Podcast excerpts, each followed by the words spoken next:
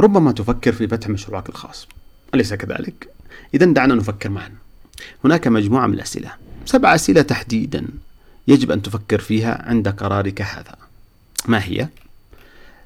أولا عليك أن تعرف أن هذه الأسئلة يمكنها أن تجعل من ترتيب الأولويات واضحا بالنسبة لك وتساعدك في إزالة العقبات.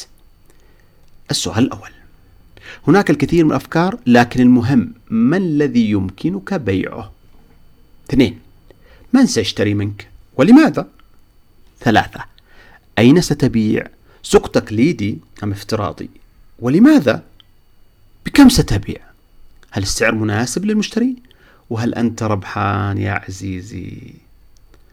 خمسة. كيف سيعرفون ماذا تبيع؟ ولماذا ينجذبون إليك؟ وهل سيشترون؟ ستة. ما هي الأنشطة التي عليك أن تنفذها لتقدم منتجك؟ وكيف تديرها؟ سبعة هل لديك القدرة للبدء؟ وماذا تحتاج؟ ومن يمكنه المساعدة؟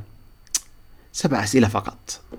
ربما إن بدأت الإجابة عنها تستطيع الإعداد والإطلاق لهذا المشروع الذي في رأسك.